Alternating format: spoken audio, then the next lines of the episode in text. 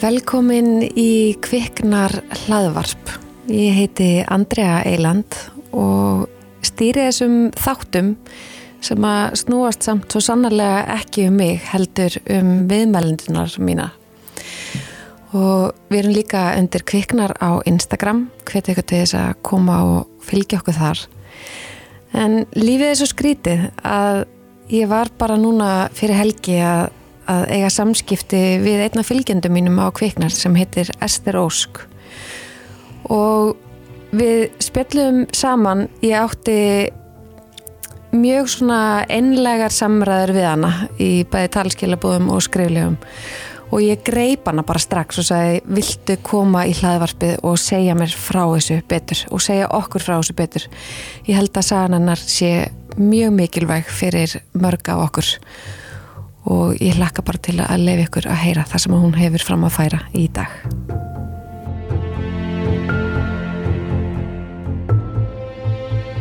Velkomin Ester.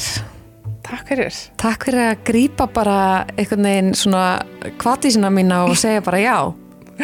Já, bara takk fyrir aða mig. Þetta, þetta var alveg pingu kvartísi hérna með líka sko. Já. Að bara stökku á þetta og, og hérna sleppa hérna ofugsununum og, og bara Já, það var eiginlega bara gott að við náum að koma inn svona strax Já, bara ríða vaðið Já, þá þarf ekki eitthvað að vera veltaði svo mikið fyrir sér Nei, nákvæmlega Nei.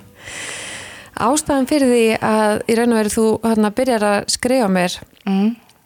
er eitthvað sem ég sagði í hlaðvarpstættinum hjá Karlmennskunni mm -hmm. uh, Hvað var það? Hvað var það sem að fekk til þess að senda mér talskilab og, og, og segja mér upphafið að þinni sögu og hvernig þetta náðu til þín mm -hmm. ég, hérna, ég er rosalega mikið svona á Instagram að ég sé eitthvað sem að ég sé hjá einhvern sem ég er að fylgja að ég bara svona verða að hoppa og kommenta ef þetta er einmitt svona þessi málefni Já. svona með hérna bara andlega heilsu og að vinna úr, úr sínum málum hvað var að sjálfsynnu mm -hmm. og þetta með að sem þú sæðir í podcastinu á Karlmennskunni með hérna uh, að hérna, vinna úr áföllum sínum Já. áður en að maður tekur að sér þetta hlutverk, þetta stóra ábyrra hlutverk að verða fóreldri fannst mér svo grífandi að því að, að þetta er eitthvað sem ég brann svo mikið fyrir, þetta hefur verið mikið hluti af minni sjálfsvinnu að vinna úr mínum fyrir áföllum mm -hmm. og hérna og svona tengist inn í stóra ákvörðun sem ég tók fyrir nokkrum árum að hérna ég varð bara ófrísk mjög óvænt þegar ég var nú alveg komin á ágætisaldur að mér fannst 27 ára mm. og hérna og ég hafði alltaf haldið bara svona eins og örgla marga stelpur þegar það eru komnar á eitthvað vissan aldur á títusaldur en maður hugsa bara ef eitthvað gerist, þú veist, óvænt þótti sig einhleip og eitthvað, þá verður maður nú bara að taka ábyrð á því og þetta var rettast bara og eitthvað svo leiðis. Mm -hmm. Svo þegar þetta atvögg gerðist svona algjörlega óvænt að þá bara var það ekki þannig. Nei og hérna og ég bara var svo, það var bara svo mikil hræðsla sem greip um sig varandi bara hvar ég var andlega mm -hmm. og líka bara varandi svona fysikal svona hérna lífræðilega ræðstæður, bara fjármál og allt annað sem taldi inn í, mm -hmm. að ég bara endurinn var bara sá og ég sá það að ég var ekki tilbúin í þetta Nei. og ég vildi bara vera tilbúin mm -hmm þegar að þessu kemi mm -hmm. og vera búin að vinna í sjálfur mér mm -hmm. meira mm -hmm. þannig að þessi svona setning hjá þér að eitthvað, ég man ekki hvernig orðað er þetta Já, að vinna í áfællunum sínum Já. áður en að við erum tökum ákvörðunum um að eignast bann og þá allavega þá þegar við komum staði að þá, þá byrja þá en þú er einu veru finnir það þarna þegar þú kemst staði að þú ert átt vona hérna, ert ófrísk mhm.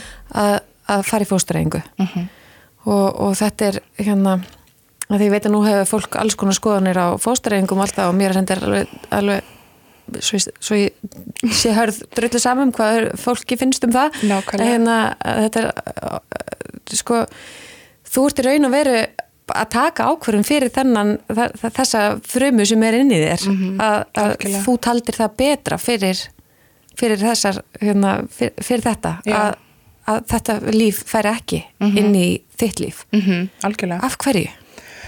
Veist, ég bara ég ætla bara alltaf að tala algjörlega frá mínu hjarta og örgla fyrir hönd margra hvenna sem að hafa farið í hérna og þurft að taka þessu ákvörðin að þetta er alltaf bara erfiðast ákvörðin sem þú tekur Já. í lífinu og maður veltir þessu fram og tilbaka og maður kannski deilir þessu með úst, einhverjum sérstökum einstaklingum sem maður treystir hvað skuli gera og hvernig manni líði með það.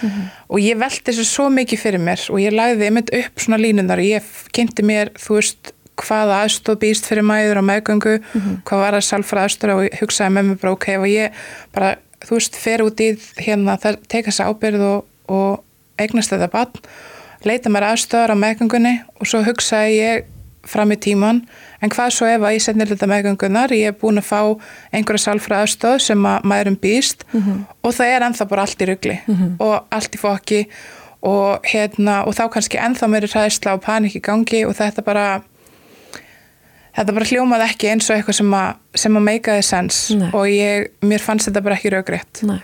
Og hérna, úrst á, á náttúrulega mæður eru þegar að taka þessa eh, tilvonandi mæður fyrir Já. eða bara fyrir ekki segjum konur Já. þegar að taka þessa ákvörðun þær eru að hérna þær eru að forgansa fyrir sig og Mhm. sinn líkama á einhverju leiti en þarna eins og fyrir mig þá var ég svo mikið að hugsa líka bara barnið ég, Já. þú veist sem að lendi í erfiðum aðstæðum Mhm. sem barn og úlingur og hefði svo innilega viljað fá betri heimilisaðstæður Mhm.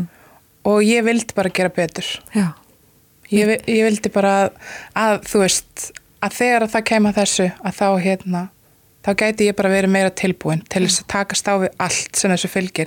Af því það sem maður líka lærir á að hlusta á hlaðvarpið þitt og fylgjast með þessu hashtaggi þínu raunin er bara að þetta er svo miklu meira en að segja það. Já. og hérna og veist, það er náttúrulega það sem ég er búin að læra eftir á að, að þetta er bara virkilega erfitt og að, að þessi ákvörðum var bara hár rétt þú veist, þetta er þetta er eitthvað sem að ég hugsa stundum mjög min, mun minna tilbaka í dag að því að, að svona þetta grær með árunum. En eftir sjáin og sorgin var mikil þegar ég tók ákvörðunina fyrst að því að þetta er líka þótt að þú takir þessi ákvörðun þá er þetta líka sorg. Já. Sem að ég held að ekkit allar konur og stelpur leifa sér. Að þeim finnst það ekkit allar eiga rétt á því að syrkja þetta eftir að hafa tekið þessi ákvörðun. En þetta er sorgaferli líka fyrir okkur og hérna og svo bara eins og ég segi þegar maður sér þetta, þegar maður horfir á aðra vinkonu sínar, takast á þetta hlustar á fólk eins og, eins og þig og aðra, að þetta er bara þetta er hellingsábyrg sem þú þarfst að taka. Og, og ég vildi bara vera tilbúin sko betur í þetta Mér finnst þetta svo, ég fá gæsa þú þegar þú ert að tala og, og hérna, mér finnst þetta svo stórkoslegt og fáheyrt að við tölum um uh, að þú sést í raun og vera að velja að taka þessa ábyrð bæði fyrir þennan einstakling sem að sem að þú áttur vona á og fyrir sjálfa þig og einhvern veginn fyrir framtíðina, bara í raun og veri líka fyrir samfélagið þú veist, af því að, að, að ákveða að eignast barn og, og vera ekki búin að vinna í áfællunum sínum auðvitað, ég veit að af fólki sem gera það og ég ber fulla virðingu fyrir því er ekki, við getum ekki all tekið ykkur á 100% réttar ákvarðinir Nei. þannig, þannig virka lífið bara ekki. En, en mér finnst finnst stórkoslegt að fá þig til mín og vera tilbúin að viðkenna að þú hafir gert þetta og, og á þeim fórsöndum sem þú velur að gera þetta. Og, og ég held að það hafi margar konur gott að því að heyra því ræða um þessu mál og en byrjum á, nú veit ég að fólk velti fyrir sér, þú veist, hvað hvað, hvað kom í veg fyrir en fannst hún bara tilbúin, þú veist, hver, hvernig barn hvernig uppeldi og hvernig æsku fegst þú? Af hverju leiðir svona þegar þú áttir vona barni? Um, ég kem bara frá þannig heimili þar sem aðstæður voru bara ekki alltaf ákjósanlegar um, alveg upp á einstæðri móður sem að svo sannlega ég veit einstinni að gerði sitt allra besta og hérna og allir foreldrar gera það, ég veist ekki um það. En það var bara ekki alltaf nóg og það var vanrægsla, það var andlegt ábeldi og, og einhverjum tímapunkti líkamlegt líka. Og þetta bara eru aðstæður sem að sko ég gerði mér í raunin ekki grein fyrir, fyrir en bara fyrir nokkrum árum að þetta hefði actually verið raunin Já. þú veist, það er líka það sem að, að börn náttúrulega þegar maður kynni sér hérna hvernig uh, áföll hafa áhrif á börn er að, að þeirra kjarnaviðþorf, þetta er svolítið svona sálfræði hugtak, að mm -hmm. kjarnaviðþorfin verða bara öðruvísi maður ja. heldur og þetta sé svona hjá öllum öðrum líka Já. að þú veist, ægin sé bara þetta mikill og, og hérna að þetta eigi bara að vera svona. Og svo þegar að ég verð fullorðin og náttúrulega fer að komast inn í aðstæður þar sem að ég kemst bara að því að þetta er ekki eðlileg, þetta voru ekki eðlilegar heimlisastæður að þá, veist, er það við svona fallin vekkur, en þetta var bara eins og segja þetta voru erfiðar aðstæður. Hún var uh, móður okkar líka glíma við, sagt, hún er með langvinna sjúkdóm sjálf. Mm. þannig að hún var ekkert í kjöra aðstæðum sem er einstæð móður en, en það sem að, þú veist, ég held að í dag að ég óska kannski mest er bara að hún hafi leitað sér aðstöðar Já. hún hafi tekið þessar hjálparhendur sem að buðust mm -hmm. bæði kannski frá fólkin í kringum sig og frá hérna félagslega kerfinu mm -hmm. um, að því að það þurfti svo sannlega að það hefði stundum bara verið stöðningur enn á heimilinu mm -hmm. því að, að, að svona það sem maður setur mest eftir og hafði svona mest áfalla áhrifin er held ég fyrir mig uh, bara andlega opildið mm -hmm. sem maður hefur áhrif á bara hvernig maður á samskipti, hvernig maður upplifir sig sem fullar án einstakling og hérna broti sjálfströst og, og svo les og þetta tekur bara rosalega langan tíma að vinna úr mm -hmm. sem að algjörlega var raunin bara eins og til dæmis þegar ég bara lítið baka á þessu tímalínu lenda í þessu atviki 27 ára og hérna núna er ég að vera 31 á þessu ári og mér finnst svona fyrir cirka ári síðan þá cirka fór ég að komast á góðan staða með mína sjálfsvinni mm -hmm. þetta tekur bara mjög langan tíma að vinna úr svona mm -hmm. veist, í fyrsta lagi eins og ég segja því að svo mörg börn sem að komast á fullunisaldur með þessi áföll þau átta sér bara ekki á því að það var eitthvað að Nei, það finnst mér, það finnst mér mjög merkilegt hérna að ég held að við sem að uh, erum ekki alveg upp í ofbeldi, ofbeldis fullri barnæsku uh, gerum okkur ekki grein fyrir veist, við, við hugsum stundum börn, börn hljóta að fatta, veist, þetta er ekki lægi og okkur kvartaðu ekki undan mamma og pappa og og hérna og, og, og síðan að vera fullorinn, ég meina sér þetta fólk ekki hvernig það æskuða átti? Þú veist hva, hvað er það? Er þetta svona sammeilett með þeim sem að hafa alist upp við svona aðstæður að, að, þessi tilfinning uh, ég er að gera mikið úr þessu eða ég, ég lend ekki í þessu eða þetta er allt saman eðlert þú veist hvað hva, þú veist að því ég, ég hugsa að margir velti fyrir sér Nei, þetta, er, þetta er alveg eðlert, þú veist, ég menna mamma kalla mig yllu nöfnum eða hérna niðurlægi mig eða eitthvað svona. Þú veist, hva, hvar hvernig getur við, þú veist, þau sem er að hlusta og eru til dæmis bara í þeim þú veist, kannski ekki orðin fullarinn eða jafnvel unglingar, skiljur, að hlusta mm -hmm.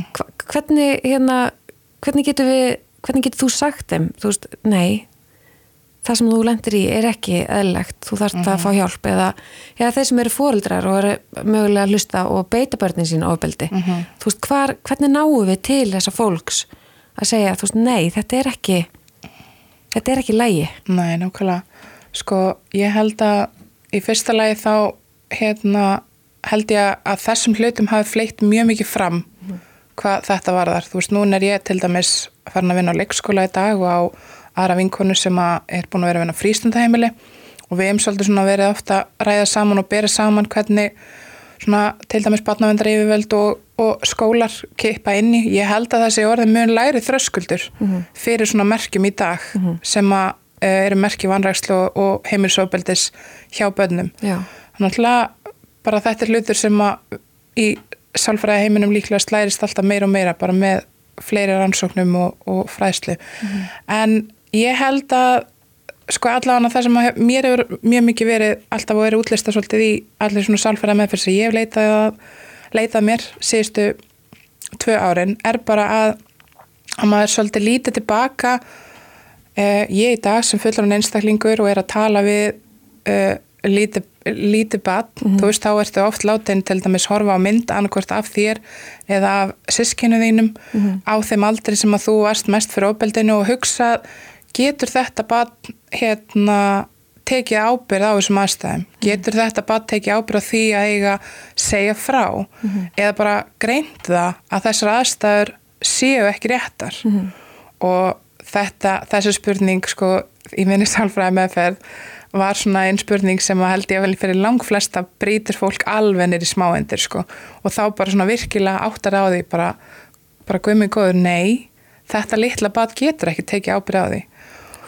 Og hérna og fyrir, fyrir mér sko að hérna, þetta var svona stór stepping stone, svona árangur hjá mér þarna í, í á nokkrum stöðum í minni sálfræði meðferð að, að átta mig á þessu. Mm -hmm. Af því að ég til dæmis, úst, ég þekki náttúrulega önnur hérna og maður lesi fjölmjölum í dag og til dæmis heyrir sögu frá síðasta viðmalanda í hlaðvarpinu hjá þér að mm -hmm. hún fór í fóstur og, og þar komst þetta upp mm -hmm. það er svo aðeinslega að heyra en bara aðstæðnar sem að ég var í ég bara þorðið aldrei að segja frá veist, og það er náttúrulega líka kemur inn í að veist, þetta er einstætt fóreldri í mínum aðstæðum Eh, það kannski hefur einhver áhrif líka, það er minni líkur á því að, að þú veist að það fara út fyrir heimilið þegar mm -hmm. það er mhm. bara eitt fóreldri sem á stjórnar öllu mm -hmm.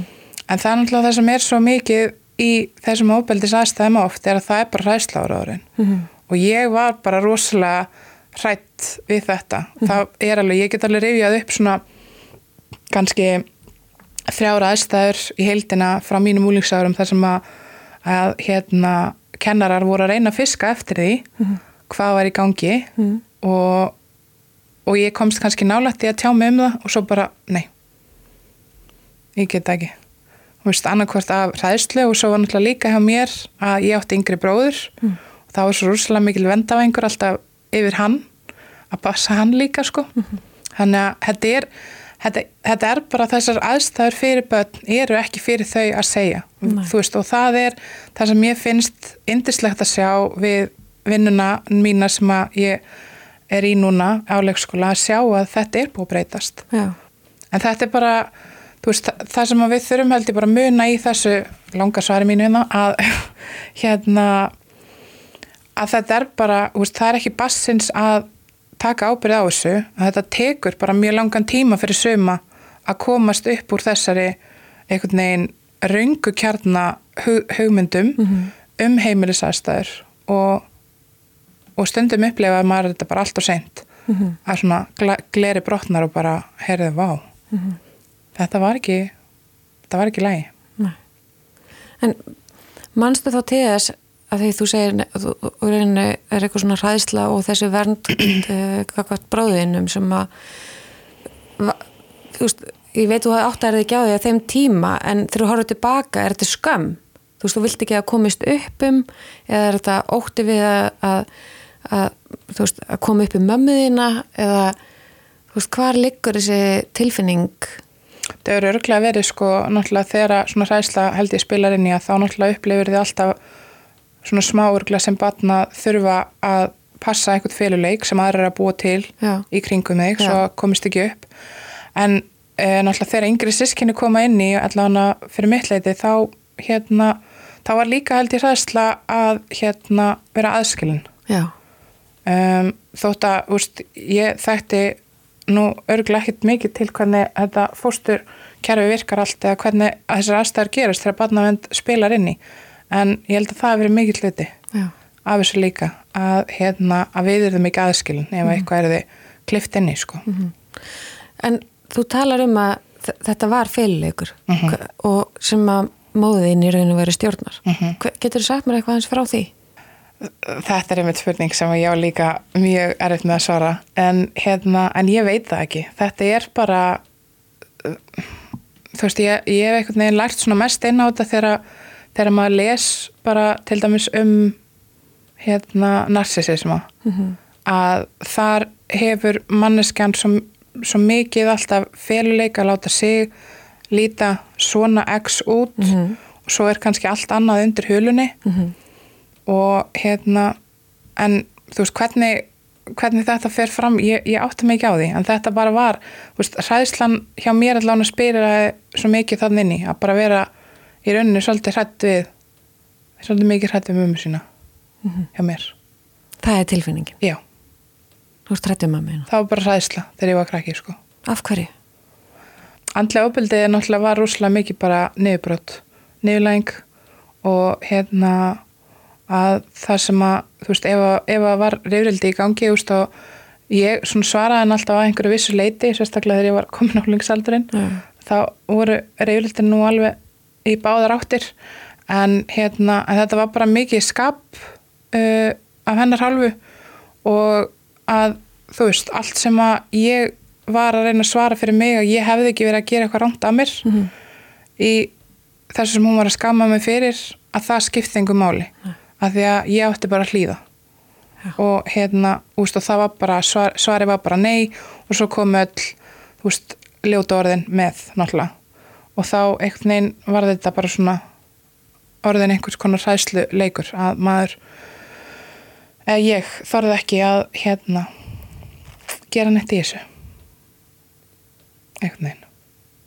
Það var bara já, það er svona eina, einhvern veginn einu sem ég get líst yfir þetta já, Og hvernig verður, þú veist, er, mannst eftir þessu alveg síðan þú varst bara lí- lítil, er þetta, nei, þetta byrjar svona á þessum tímabóndi svona það ekki verið svona örglega upp úr tíu ára cirka og hérna og svo alveg það er bróðin, þá er bróðið minn tveggjára hann er, hann er áttara mingra en ég. Já, og hérna hann er já, það var svona um, um tíu ára. Og hérna og svo svona, þú veist, fóruð alveg í hæður og læðir. Og hérna og svo kannski þegar ég var svona á setni hluta úlingsaldursins þá var hún til dæmis komin með uh, maka sem hún var með í nokkur ár. Þá var ekkert ekkert í gangi. En hérna, hérna þetta er svona, já, þessi kannski aðal, þessi svona megin hluti af kynþróskanum fór, var þetta tímabil. Og hvernig verður sjálfsmynd barns við svona aðstæður, uppelds aðstæður? mjög lítið sjálfströst Já, brotin sjálfsmynd, óryggi og, þetta er svona þau orð sem að fylgja mér held ég svona mest inn í fullarins árin. Að það er svona kvíði, ofugsun, óryggi Já. með einföldustu ákvarðanir. Og hérna það er svona það sem að tekur mesta vinna úr og náttúrulega líka bara að, að losna við skömmina sko sem er þessi, eins og ég segja aðan fyrirleikur þannig að Einmitt. Af því að þú berð ekki ábyrð á gjörðum Nei. móðurðinnar. Nei, ég gerði það ekki. Það, þú veist, hefur, ég hef örgulega gert það í mörg ár Já. með því að einmitt vinna ekki úr þessu og bara hunsa þetta. Þetta var náttúrulega bara svona grafið honni í einhvern bakpoka hann einhvers þar lengst og hérna og var bara búið að gleymast. Mhm. Uh, en svo þegar þegar þetta poppar upp að þá það, það var stóri ávinningun fyrir mig einhvern veginn átt að með því að ég ber ekki ábyrð og líka að sem að mér fannst uh, frábært að heyra hana hérna, Hann í þetta. Anita segja að við erum ekki fóreldrar okkar Nei. um, stótt að við séum alltaf að, þetta er alltaf að því við lesum alltaf þessu umhverfisáhrif á persónuleika og uppeldu okkar. Og það lesefni fyrir mig hafi til dæmis mjög neikvæð ákveð á mig að bara alltaf þessi ræðsla að verða eins og hún.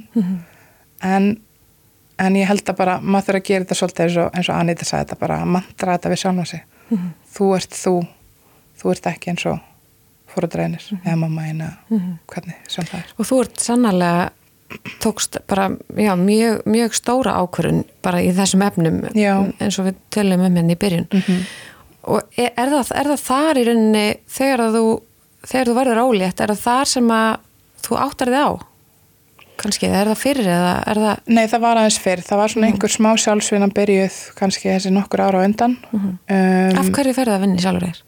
uh, ég bara var í vinnu sem að var svona á þeim tíma ekkit mjög, kom bara setna verið ljós að var ekkit rétt að vinnan fyrir mig Já. og ég var farin að upplega kvíðaenginni í vinnunni. Já, og ég hafði aldrei hérna, tengt neitt við kvíðaenginni og svo allt í einu uh, eina vikuna var einhver hérna var hópstjórn okkar sérst búin að uh, segja á einhverjum vikufundi að hann ætla að taka svona one on one samtölu alla og hérna og í lók vikunar þegar ég áttaði mig á því að yfirmaðurinn var ekki búin að tala um mig þá bara fór einhver snjóbolti af stað í höstum á mér þar sem að ég bara, herru, vá, hann er ekki búin að tala um mig, akkur er hann ekki búin að tala um mig?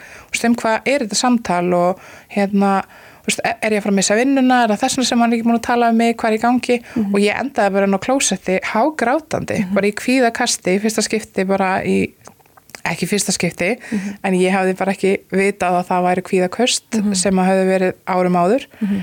Að ég bara, þú veist, þurfti að fara heim bara, að ég meika ekki restina vinnudeginum og ég var bara, hvað er að gerast? Þú veist, ég bara hafði aldrei þekkt þessa hlið og sem betur fyrir að einhverjum ástæðum bara ákvæði að ringja strax í hilsugæsluna og fá nú bara tíma hjá lækni og bara ræða þetta því ég var bara, hvað er að koma fyrir mig?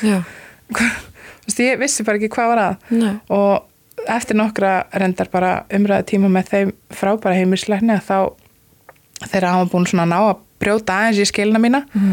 Að hann eitthvað heyrði, veistu það, þú ert bara með fullandi kvíða og ég held að við þurfum bara aðeins að fara vinni því að finna einhver úrræði fyrir því fyrst. Og hann mælti náttúrulega með kvíðalegum að því þarna í byrjun var ég bara að fara frá sko 0 upp í 100 bara í kvíðaengjönum og að ég hugsaði bara með mér þarna bara, herri, ég get ekki fara að vera þessi típa sem missir úr vinnu, þú veist, ég var bara einhleip, var í, þú veist, fínni leigu íbúð og maður, veist, þegar þú ert einhleip og ert á leigumarka, þú hefur ekki defnaði að vera pingu klikku í hausnum, sko.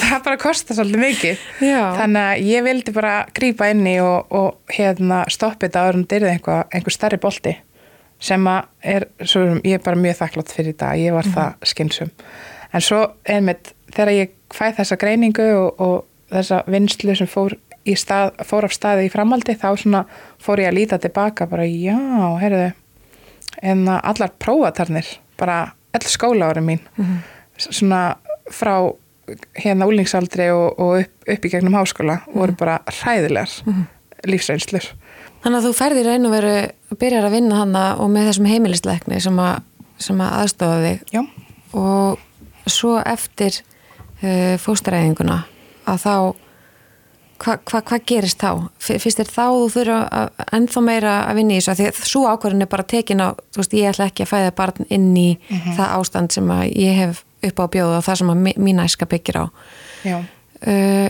en hvenar, hvenar þú nú þú segir fyrir tveimur árum síðan fer ykkur bolta stað sem er búið Já. að færa það þann stað sem ert í dag hvað er það sem að gerist? um, bara að íta sjálfum sér út í djúbulegina að vinna úr þessu um, maður, ég svona var alltaf að hérna uh, bara lesa mér smátt og smátt til um þetta var hjá heimilislæni sem var, er búin að hjálpa mér mikið og held ég sér bara mjög heppin með hann. Um, og fór að hamnámskeið og eitthvað svona minni mig til dæmis í kjölfar hamnáskeið, það er aðveldsmeðferð já. þannig að hérna fór og svo leiðis á heilsugæslinni minnir ég myndi að það hafi verið annarkort það hefur örugglega verið annarkort sama árið eða árið eftir að ég hérna fór í, í fósturenguna um, þannig að þetta fór svona hægt og bítandi í kjölfari þess Já. en þarna var bara, heyrðu núna erum við bara að fara að vinna í þessu Mhm. en það tók samt eins og segi, það tók alveg smá tíma að íta mér út í djúbulegina Mhm. En þú talaður um það áðan hérna í, þegar við vorum að spjalla saman fyrir þáttinn að þú veist alltaf með ykkur svona afsakanir já ég held að, segðu okkur aðeins frá því að ég held að við getum alveg mörg tengt við það sko. Það hérna með þessar afsakanir. Þetta, ég held að sko það hljóti allir að gera þetta. Um, sérstaklega þegar kemur að svona stórum áföllum og hérna eða ofbeldi sem að þú ert með í, í þinnum bakpoka. Að því að þú þarft náttúrulega úst, fyrsta lagi þarf, þarftu einhvern veginn að finnast og vera tilbúin og það eru svona vissir hérna punktar í lífinu manns held ég sem að veist, íta á það, veist, það voru nokkri þannig hjá mér þannig svona miðan títusaldurinn og, og svo náttúrulega það að taka þessa stóra ákvörðin að eiga ekki að halda ekki þessari meðgangu áfram á sín tíma. Uh, að þá veist, þetta var aðal afsökunin alltaf svona innsteini var fjárhagslega hjá mér, það kostar svo mikið að fara til sálfræðings og ég bara á þessum tíma hafði ég enga veginn efni á því að fara til sálfræðings og borga kannski eins og tvisra í mánuði 15 áskall. Það gefur bara auga leið og það getur verið erfitt fyrir mjög marga. Um, en svona einstinni þegar ég líti baka í dag þá nota ég sko líka fjárhagslega ástæðana sem afneitun og afsökun til þess að gera eitthvað í þessu. Uh, þannig að ég held bara að svo einhverjum tímapunkti kannski fyrir mig sem var kannski pingu slæmt en líka gott að ég náði bara svona pingu botninum, það var smá svona rock bottom með þunglindi fyrir sérska tveimur árum. Og hérna og þá bara svona varð ég að gera eitthvað. Um, en, en eins og segi þetta Og var hvert leitaður þá? þá leitaði ég, sko þá var ég náttúrulega bara hjá heimilslækni, þá reyndar að því ég það var bara rétt fyrir jól á þeim tíma uh, sem eru hafa oft verið mjög kvíða mikill tími og svona þungur tími líka út af skamdeginu og svona. Mhm. uh, á leitaði ég fyrst til heimilslæknis að því ég fann það bara að ég erði að fá lif, annars væri bara eitthvað slemt að vera að gerast.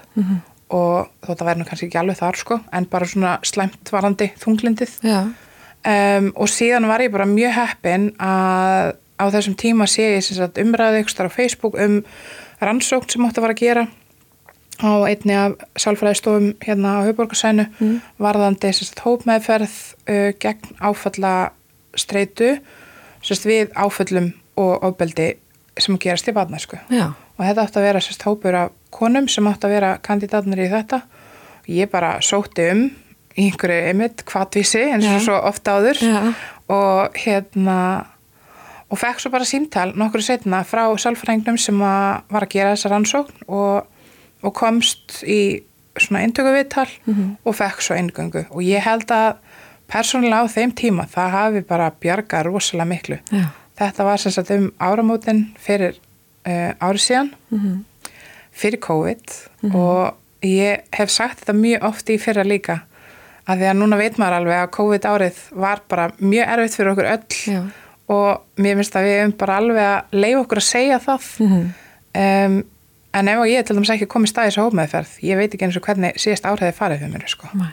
það hefði verið mjög erfitt andlega. Þannig að ég var mjög þakklátt að komast þar að og þetta var hérna svona skemmtilegt að upplifa. Þetta var náttúrulega mín fyrsta reynsla af sálfræðimeðferð en sem hópmeðferð. Og þetta er eitthvað sem ég eiginlega bara vona að muni verða meira af hérna heima á Íslandi, maður er alltaf heyrt um svona í bæði í bíumöndum og þáttum og bara erlendis að mikið er um hópmeðferðir og þetta gefur þér svona allt annað sjónarhótt á að ræða áfallið þitt. Af því að þarna verst veistu það að þú ert í hópi fólks eða í þessu tilfelli kvenna sem eru með kannski ekki nákvæmlega sömur einslu en einhvers konar svipaða uh, úr sínum áföllum og þú veist það bara að þess, þessi hópur skilur. Og þetta er alltaf öruvísi heldur en að ræða þetta þegar þú átt erfiðan dag eins og mæltir með að maður leiti til vina sinna þegar þú ert að eiga þungand, verulega þunganda að bara tjáði við ykkur og ringja og eitthvað svona. En það er alltaf öruvísi samtal af því að svo vinkonaða vinur þekkir þetta ekki. En þetta, þetta fólk í hópmeðferðinni það gerði það eða konur í þessu tilfelli að hérna og mér fannst það alveg frábær upplifun og hérna og þetta var sem sagt meðferð sem var uppsett svolítið svona eins og huran atvellismeðferð um, og bara já, mér fannst hún alveg frábær.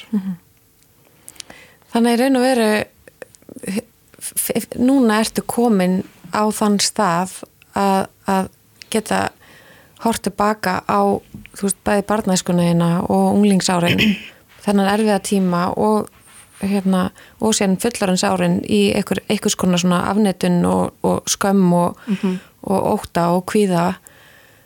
Ertu komin á þann stað að, að uppskera Já, mér finnst það.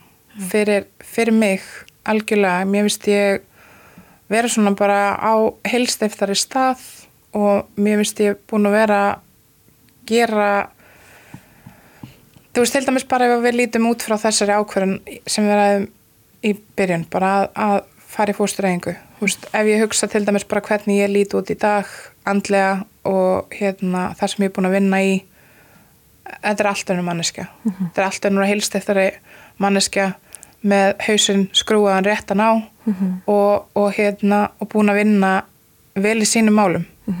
Og hérna og fá reynslu líka í middeltíðinni úr þessum hérna reynslu og þekkingu úr, úr, úr meðferðunum hérna sálfræði meðferðunum sem að munu nýtast út í lífið. Af því það sem hann alltaf sálfræði meðferðir og öll þessi sjálfsuna er að kenna manni er bara að vera með björgráð til þess að, að vera ekki endalaust tryggaruð af þessum áföllum af því það er það sem að gerist í þessu punkti sem að þú varst með í þínu viðtali hjá kallmennskunni að, að hérna vera búin að vinna úr þessu til þess að að þín áföll speiklist ekki yfir á næstu kynslu eða, eða að, að þín, þegar þín áföll tryggarast sem mun alltaf gerast hjá fólki með áföll á bakinu reglulegi kringum lífsleðina að þú sért með bjargráð til þess að stoppa það frá því að verða einhverju vandamáli sem að, sem að hefur áhrif á restina af heimilislífinu, börnunum þínum eða hvað sem það er í kringu þig.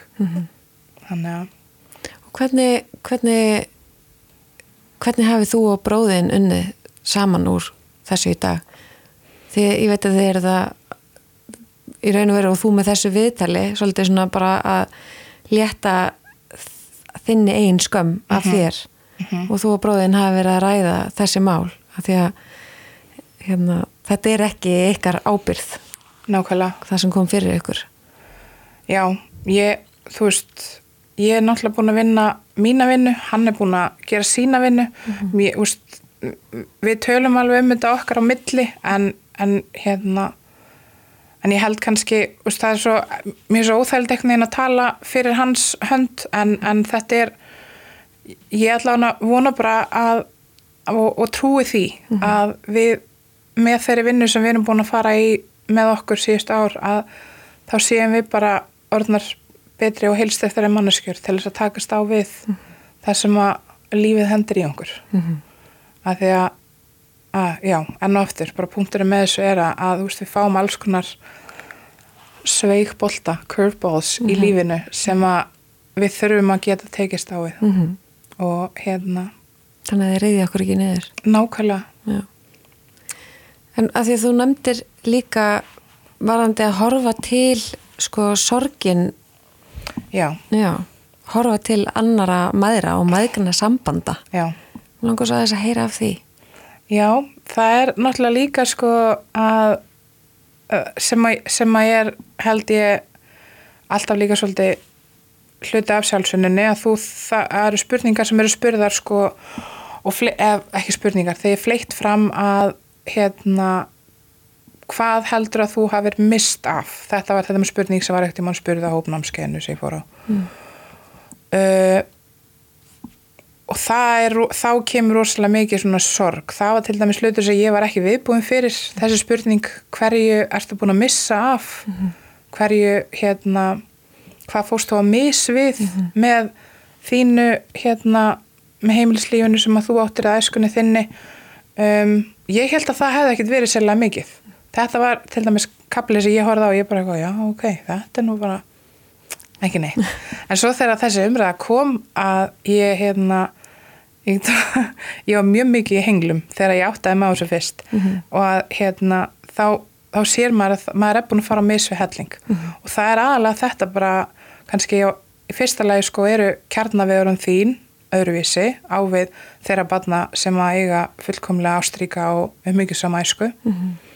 um, en líka bara sorgin að að sambandi sem þú átt við fóreldrið þitt er ekki eins og allra annara mm -hmm.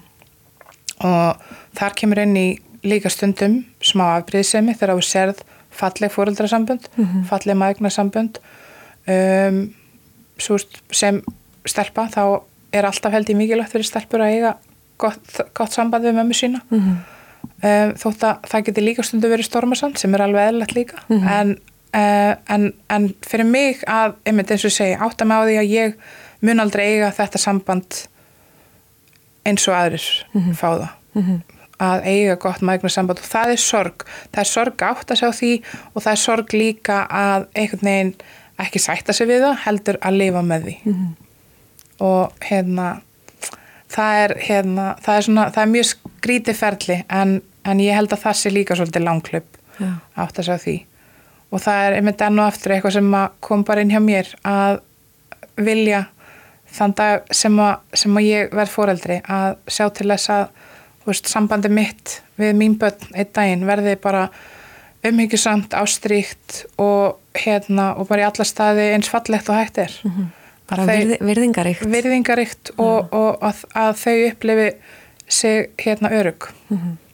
þannig að þannig að þú veist að þau eins og ég segi, landi ekki í þessu þessu sama. Já og þá spyr ég þeim hvernig sérðu fyrir þér uh, segjum að þú eignist, að því að þið langar til þess að eignast börn. Já, já, já uh, hvernig sér þið fyrir þér að sambandið við að þú mögulega eignast dóttur mm.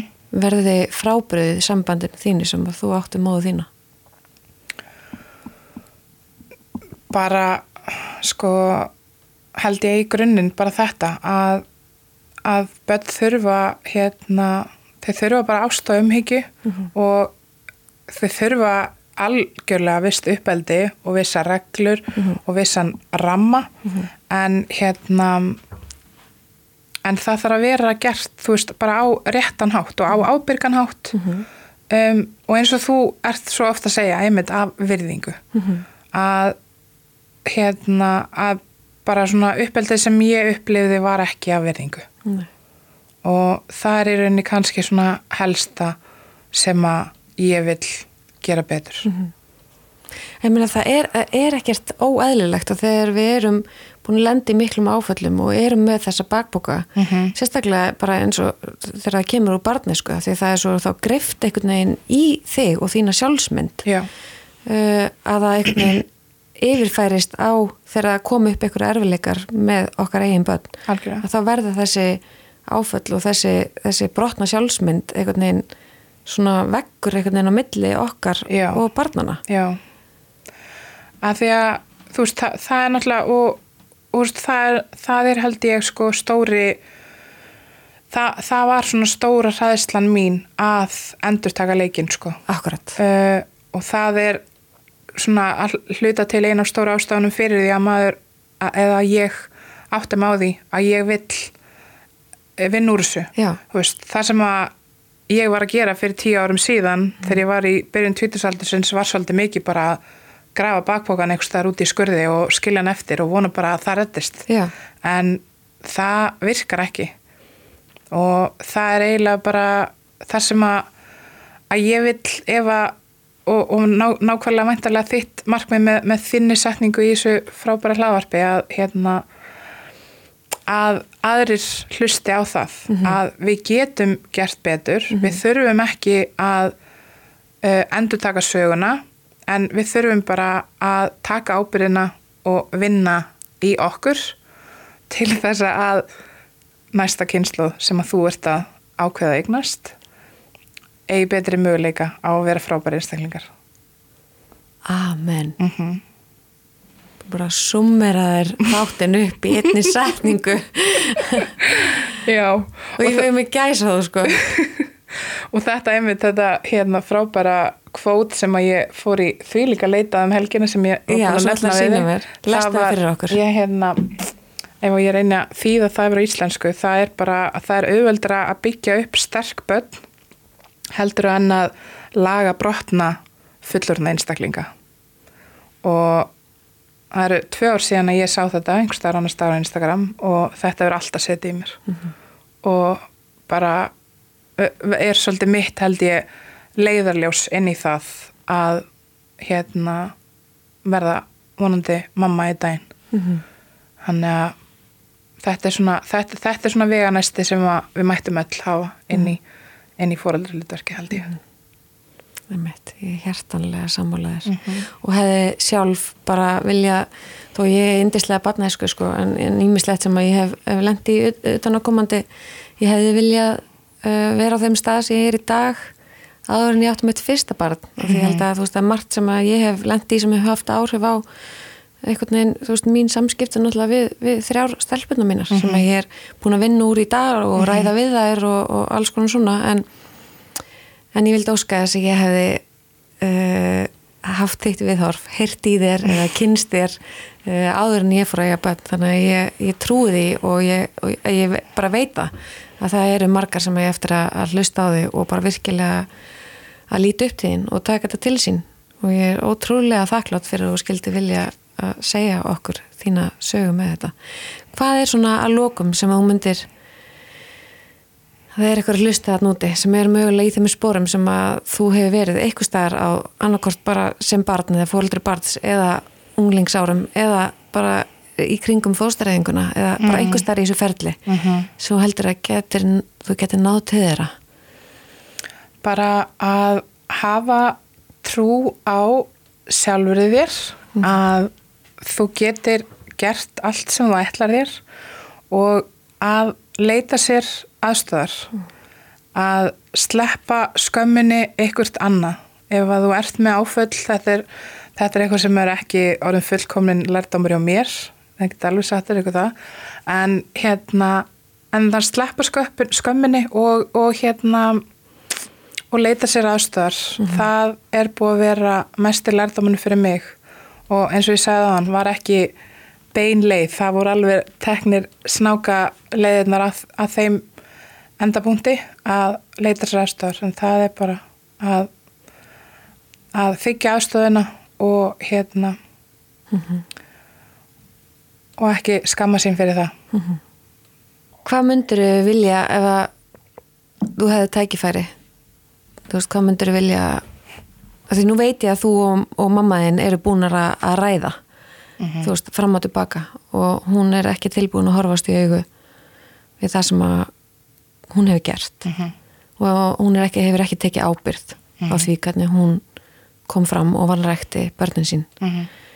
ef þú hefði tækifæri til þess að segja eitthvað þú veist við hana Já um, ég held að það væri bara aðalega að læra að lusta mm -hmm. og hérna og taka ábyrð fyrir senn hluta af því sem að betur hefði mátt fara mm -hmm.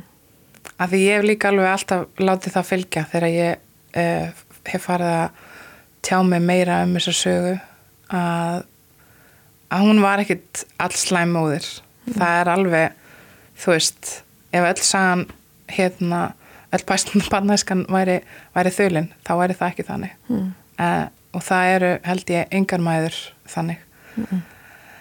en maður þarf að taka ábyrð á þeim mistökum hún þarf að taka ábyrð -hmm. -hmm. og bara já, í dag að hlusta mm -hmm. Akkurat mm -hmm. Erstu reyðið hana? Um, það er stundum en það er svona hluta því sem að er búið að minka mikið mm -hmm. og bara sko sístu mánu og vikur mhm. að því það er líka það er hluta því sem að ég vil losna því sko Já. að því að það að græði ég ekkert á ekki neitt sko þannig að, að það Er það, það erfiðasti parturinn? Ég held það sko á eftir, hérna, á eftir skömminni mm -hmm. Þá held ég að það sé svona eina verfið punktunum allan fyrir mig mm -hmm. en eins og segi það, ég veit alveg að það er hlutur sem ég græði ekki á að taka með mér í gegnum lífið sko mm -hmm. bara ekki neitt Nei. Þegar þú náttúrulega berð ekki ábyrðað henni, þú berð ekki ábyrðað því sem kom fyrir því Nei þú ert bara að reyna að vinna því að vera svo kona sem þú ert í dag og mm -hmm. já algjörlega já Er þetta ok? Ég er ok og þú ert alveg bara, þú ert bara stað í hjartanum mínu, náttúrulega bara strax frá því að þú sendið mér skilabó sko. en, en hérna en hvernig líður þér? Ég er sátt og ég, ég finn líka bara sko hérna, er léttir Já. þannig að það var líka svolítið sem ég var heima í gær bara, þú veist, ég held að það verði léttir mm -hmm. líka mm -hmm. Og það er úrslega góð tilfinning. Að því að, að hérna að því eins og ég sagði byrjun sko að þetta er, þetta er alltaf svolítið að taka, búin að taka þátt í þessum fyrirleik fyrir hana. Mm -hmm. sem að sem að ég á ekki þurfa að gera. Nei. Og ég vil líka alveg sko, úrst það sem ég hugsað um eins og með að koma svona ofinbært og tala um þetta, ég hef alltaf hugsað bara hérna ég man aldrei ná að gera þetta. Þetta bara, ég get gert þetta kannski þegar hún er farin eða eitthvað. Mhm. um, en svo bara svona í vetur einhvern veginn hefur það bara við þarf svolítið breyst. Að því að, að því að þetta er líka alltaf allan fyrir mig að veist, tjá mig um þetta að þetta kem, veist, þegar ég er líka bara núna búin að vera í minni vinnu að það búið að hluta því að segja öðrum frá í fjölskyldunni. Já, og það hafa verið svona vissir aðlar sem hafa bara easy peasy að gera það Mhm.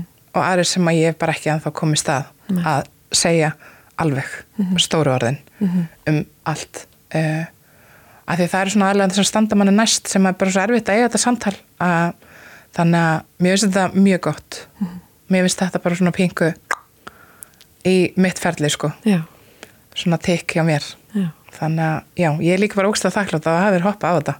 Segja mér að koma því ég, þú veist, annars hefði ég verið bara líklega til þess að einhvern veginn svo með einhverju svona bara, láta svona dellu bara einmitt sopna og fjara út einhvers þar En ég minna, sko, ef við bara lítum á þetta bara blákalt, að það eru alls konar hluti sem að fólk hefur sagt. Já, uh, út af eigin reynslu Já. sem hefur nátið þín og hjálpa þér og orðið, þú veist, upphaf og miðja og, og einhver endir á, á þínu bataferli já að vinna úr þinni skömm og, og sorg og reyði og allt. mm Þannig að það hlýtur að, að virka þannig með, með þína sögur líka. já, já, já, Að þín saga mun hafa áhrif á þó að þess að verði ekki nema bara ein Nákvæmlega. önnur kona. nákvæmlega Að, að þú með þinni sögur nær til einnar annar konu að þá er svo kona, þú veist, þú.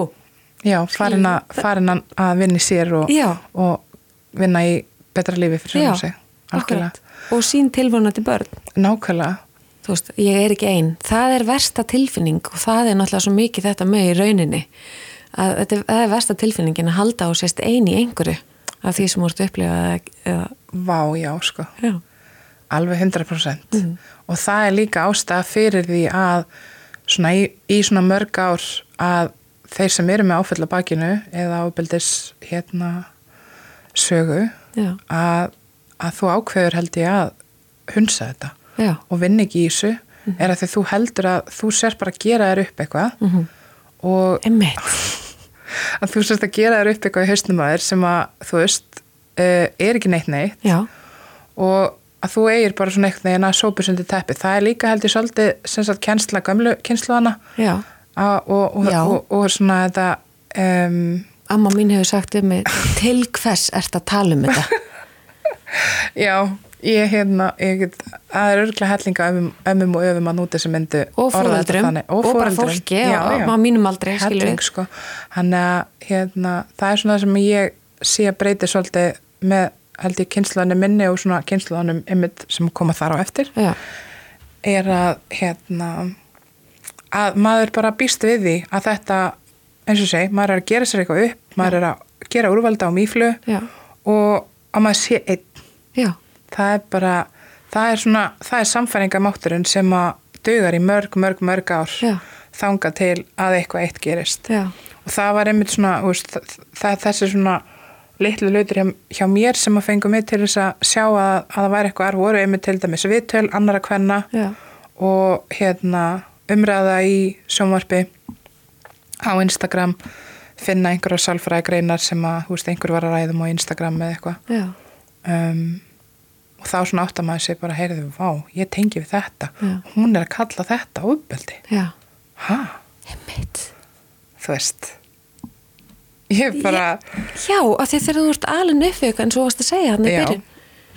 Þegar þú ert alin upp við eitthvað þú heldur að þetta sé eðlilegt. Já, og svo einn daginn kemst það í það er það ekki? Já, Þetta snýst um og, og í tengslum við kviknar og ástæða fyrir að við, við erum að tala saman Mhm. er að það, það er þú ert fyrirmynd í þessu að, líta til í alvöru tala að, taka ábyrð á þinni ein andlegu helsu og þínum áföllum áður en að þú hérna í raun og veru já, fæðir einstakling inn í þennan heim eða eignast barn inn í þennan heim mm. -hmm. þannig að hann er nógu erfiði fyrir þó við fyrir mikið að, að já, móka áföllunum okkar inn í meðgöngun okkar og, og hérna uppeldið og Uppeldi. uppvöxt þess, já, þess að við náum að hreinsa eins til í okkur áður en að næsta kynslu tekur við Já, já, rífakæðina. snýst þetta ekki um það? Jú, Já. 100%. Já. Nefnilega, það er mjög, mjög vel árið komið.